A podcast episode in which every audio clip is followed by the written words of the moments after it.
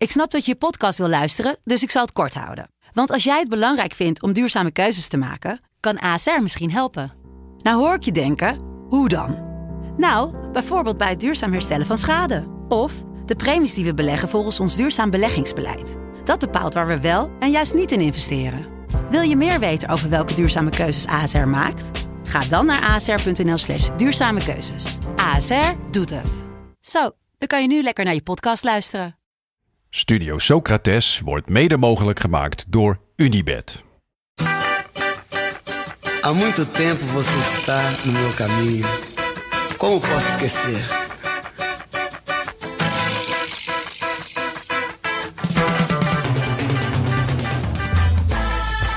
Welkom bij Studio Socrates, een podcast over alles wat voetbal mooi maakt. Met elke vrijdag een korte vooruitblik op het weekend. Onze kijk, lees en luistertips over al het moois in de wereld van voetbal. Ja, ja, daar zijn we weer. Ja, terug uit de Urk. Ja, terug uit Urk. Wel zonder Jonne. Die hebben, die hebben we daar achtergelaten. Tenminste, ik weet niet waar die nu is. Hij is visser geworden. Ja, hij is hij, le- lekker op het IJsselmeer. Op, eh, misschien wel op Palingen aan het vissen. Nou, hij is wel echt eh, misschien met paling. Hij is namelijk in België Ja, eh, voor de koers. Ja voor de Rode Lantaarn, zijn andere podcast. Eh, misschien inderdaad dat hij eh, Paling even opzoekt. Die gaat het wel druk hebben trouwens vanavond. Want die vertelde in de vorige podcast van ons...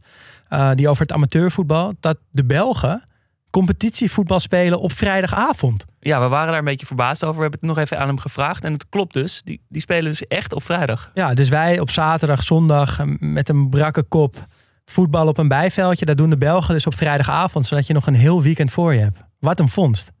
Ja, misschien is het wel tijd om dat hierin eh, in te voeren. Ja, dus eh, baas van de KNVB als je luistert. Eh, goed, de- onze kijk, lees en luistertips van het weekend. Maar eerst, ja, Berardi, niet naar het WK. Italië niet naar het WK. ongelooflijk. Berardi, jouw mannetje. Ja, ik, zat, ik, heb, ik heb niet live kunnen kijken, dus ik keek vanochtend de samenvatting terug. Een kansenmissend Italië. En eigenlijk bij bijna elke kans was Berardi betrokken. Want ze hadden aan een gelijkspel genoeg tegen Noord-Macedonië. Nee, ze moesten wel winnen. Ehm, als ik me niet vergis. Maar ze verloren dus in de laatste Het minuut. waren directe play-offs tegen Ja, eh, om precies. het- Om, het, ticket. Ja, en ze verloren in de laatste minuut met 0-1. Maar ja, voor die tijd 32 doelpogingen of zo van eh, Italië. En Berardi die had er echt één moeten maken. En, en wel vier kunnen maken. En dat is wel balen. Want eh, ja, ik ben groot fan. En we kunnen ze nu niet eh, zien op het WK. En Europees kampioen. Ja, wel pijnlijk hoor. Ja, het kwam ook hard aan, had ik het idee, in Italië. Ja, ja en terecht. En terecht. Nou, gelukkig is dat ehm, bij het Nederlands elftal niet zo. Ja, rollen zijn omgedraaid, zou je een beetje kunnen zeggen. Ja, want dat is eh, toch wel mijn tip voor, voor dit weekend. En ja, ik zit een beetje na te gaan bij mezelf. Is dat nou kinderachtig dat ik al een beetje oranje koorts heb? Of mag dat? Wat vind jij? Eh, ik vind het goed. Ja? In plaats van dat hele cynische... Ja, dat voetbal is nog steeds vet. Waar het ook gespeeld wordt. Ja. Ja, want Qatar is natuurlijk eh, niet leuk. En in de winter wordt heel erg wennen.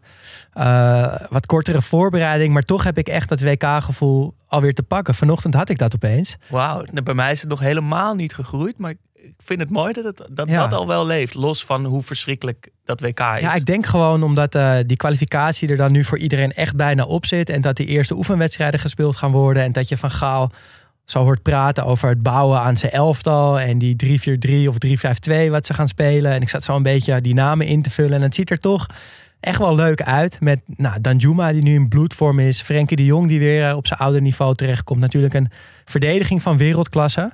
En dan ook nog zaterdag een wedstrijd tegen Denemarken. Nederland-Denemarken, waar Eriksen voor het eerst weer bij de selectie zit.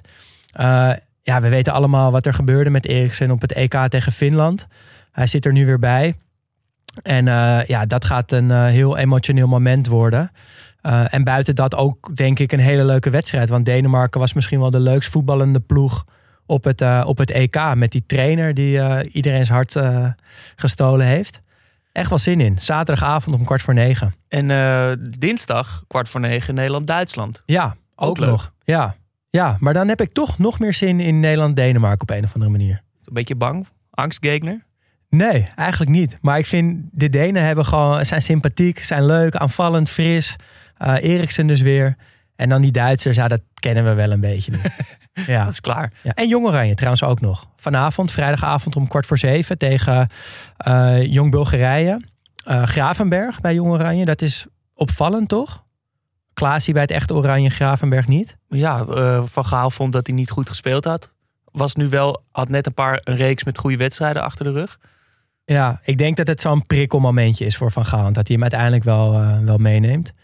En verder eh Tafsan van NEC. Echt een leuke dribbelaar die nu voor het eerst bij, eh, bij Jong Oranje zit. Volgens mij de meeste geslaagde dribbles in de eredivisie heeft die, eh, die speler. Ehm, dus ik hoop voor hem dat hij eh, zijn debuut mag maken. Leuk. En wat jij ook al zei, dat, daardoor ging de Oranje Koorts misschien een klein beetje kriebelen bij mij. 1 april, volgende week vrijdag, de loting. Ja, Ik denk als je die tegenstanders weet, dan, dan wordt het ook wel echt. ja dan wordt het echt. Ja. Ja, dat wordt ook een heel mooi moment. Goed, mijn eh, tip ehm, is aan de andere kant van de wereld. Het is natuurlijk in, in elke departement van de FIFA is het eh, knokken om, eh, om WK-tickets. En in Amerika, Latijns-Amerika spelen Canada tegen Jamaica.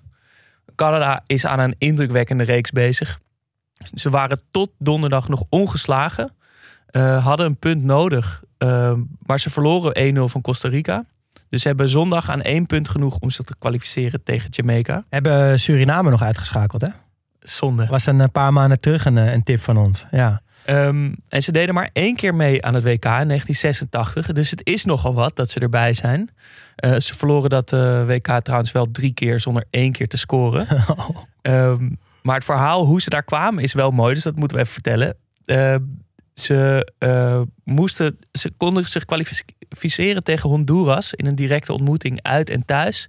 Eerst in Honduras, waar die hele bleke, onervaren groene Canadezen eh, in, in een hele vijandige sfeer terechtkwamen.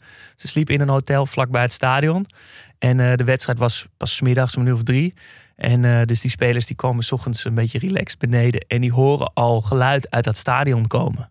Jezus. Vragen aan, die, aan de ober daar, wat, wat is er nu in het stadion aan de hand? Want wij moeten straks wel gaan voetballen. En toen zei die ober, er is helemaal niks aan de hand. Ze wachten op jullie. Dus er zaten al 's ochtends vroeg 40.000 helemaal gekke Hondurezen, die Canadezen helemaal gek te maken. Eh, op de weg naar het stadion toe stonden ze ook rijen dik langs de kant van de weg. Allemaal met een wijsvinger langs hun keel eh, te gebaren. Jullie gaan eraan. Jullie gaan eraan, maar dat gebeurde niet. Canada wist opmerkelijk genoeg 1-0 te winnen in die eh, heksenketel. En eh, de uitwedstrijd is misschien nog wel iconischer geworden voor het Canadese voetbal. Ehm, ze hadden aan een, eh, aan een gelijkspel genoeg. En ze speelden die wedstrijd op het King George V Field in Newfoundland. En ik weet niet hoe jouw topo van eh, Canada is. Maar Newfoundland is helemaal het oostelijkste puntje van, van Canada. Dat is eigenlijk bijna een soort schiereiland wat midden in de Atlantische Oceaan ligt. En op het meest, het Urk van Canada. Je zou het kunnen zeggen, ja. En op het meest oostelijke puntje van dat oostelijke eh, gebied van eh, Canada, daar lag dat veld. In the middle of nowhere. Zullen ze dat expres gedaan hebben? Ja, dat is niet helemaal zeker waarom ze dat nou hebben gedaan. Het kan zijn door een lobby van, eh, van de Newfoundlanders om het toch daar te spelen. Het is scheen het, het oudste voetbalveld van Canada te zijn. En ik zeg voetbalveld, want het was echt een veld in een bos. waar ze snel wat, wat tribunes omheen hebben gezet. Dus het zijn zeg maar vier rijen hoog. Beetje scheve lijnen getrokken zo. Ja, het ziet er echt niet uit. Het was koud, het was guur, het regende. En eh, die eh Hondurezen, die, die, die waren natuurlijk helemaal niet op hun plek. Hadden allemaal lange mouwen en eh, handschoenen aan. En die Canadezen stonden er in korte mouwen die mannen op te wachten. Ze wonnen 2-1. Canada, ze hadden zich gekwalificeerd voor het eerst. En voor, ja, eigenlijk dus tot, tot deze week de Ja. belangrijkste voetbalwedstrijd in het hele Canadese voetbal. Op dat hele rare veld. Eh, nog wel een mooie anekdote uit die wedstrijd is dat hun sterspeler Carl Valentine die raakte geblesseerd. Ehm, kon de spanning niet aan, ging, ging douchen, heeft de hele tweede helft onder de douche gestaan, eh, waar hij al twee biertjes dronk. Ah, heerlijk. Als we het dan toch over amateurvoetbal hebben. Ja. Hè, de biertjes drinken onder de douche. ja, Klinkt wel een beetje zo. ja, en eh, nu is het natuurlijk wel echt een leuke elftal. eh, de meeste spelers in de MLS, maar een paar bekende. Atiba Hutchinson is de aanvoerder. Natuurlijk Alfonso Davies, eh, Jonathan Davies en eh, Kyle Larin van eh Besiktas, die aan de lopende band scoort. Ja, serieus wel een goed team. Want eh, noemde net al heel even dat ze Suriname uitschakelden. Maar het ging ook volgens mij met 4-0 en nog een... Ja, 5-1 dikke- hebben Ja. ze ook nog gespeeld. Ja, dus ja, dat is echt wel best wel een serieus team geworden. Ja, zeker. En eh, ze spelen tegen Jamaica. Wow, bijnaam vet. de Reggae Boys. Ja, en natuurlijk. Boys met een Z op het eind. Ehm, die zijn kansloos. Die gaan zich niet meer kwalificeren. Die hebben pas acht punten. Staan één en laatste in de pool. Eh, maar ik, ik weet niet. Jamaica heeft toch altijd een soort... eh ja, roept toch altijd wel een soort sympathie op. Ja, komt dat niet doordat zij er ook waren op het WK 98, als ik me niet vergis? Dat dat zou- dan een soort van blauwdruk van een WK is. En dat je dus ergens in je achterhoofd denkt dat Jamaica erbij hoort te zijn. Of zo. Ja. Ja, misschien wel. Het is Toch? natuurlijk ook wel een mooi sportland of zo. Met de ja, met de sprinters en natuurlijk. bobsleiers. Ja, ja Ehm, bobsleiers natuurlijk al. En ook een leuke, leuke elftal eigenlijk. Veel uit de MLS, maar ook veel uit de Premier League. Eh, Leon Bailey speelt er ook. Michael Antonio. Heerlijke spits. eh fantastisch spits. Een waanzinnig seizoen bezig. In ieder geval vorig, vorig seizoen. Andre Gray en Mariappa van eh, Watford. En de man met de mooiste naam uit de Championship. Bobby De Cordova Reed. Ja, Die Cordova Fulham toch? van Fulham. Trouwens, Fulham staat eh, ruim dik eerste in de, in de Championship. Dus die is er volgend jaar gewoon weer bij. We hopen het. Daar, zijn we, daar zouden we heel blij mee zijn. Ja. Nou, goede, goede lekkere tips weer. Geen eh, competitievoetbal, maar dus wel veel WK-kwalificatiewedstrijden. Ehm, ja, en het begint bij mij dus echt te leven. Ik hoop bij jou ook eh, binnenkort, Jasper, en bij de luisteraars. Ja, ik denk eh 1 april bij de loting dat ik het dan eh, ga voelen. Is er één land waar je graag eh, mee in de pool zou willen komen? Canada misschien? Zou wel leuk zijn. Toch? Dat zou best wel leuk Dat zijn. zou leuk zijn. Eh, daar moeten we nog wel gewoon van kunnen winnen natuurlijk. Lijkt me wel, ja. Lijkt me wel. Ehm, ja, dan heb, als je dan die speelschema's hebt, dan kun je dat ook in de krant. Dan staat het al helemaal zo, weet je wel, uitgelegd wie, waar, welke pool, welk stadion. Met fotootjes van het stadion erbij en een foto van de bal. Dan gaat het echt, weet je wel. Ben jij iemand die eh, dat speelschema uit de krant haalt en dan opplakt en dan alles zo invult? Nee, dat doe ik niet. Nee, ik, ik heb dat, ik ben, nee, dat doe ik niet. Maar Wel ik vind- gedaan vroeger. Wel, natuurlijk. Ja, natuurlijk. natuurlijk. Die hele pagina opgehangen. Eh, Oké, wij zijn er woensdag weer met een gewone eh, normale aflevering. Ja. Eh, en eh, word vriend van de show. Dat kan dan vanaf 2,50 euro per maand. Vriend van de show. Help je ons heel erg mee. Dankjewel. Tot woensdag.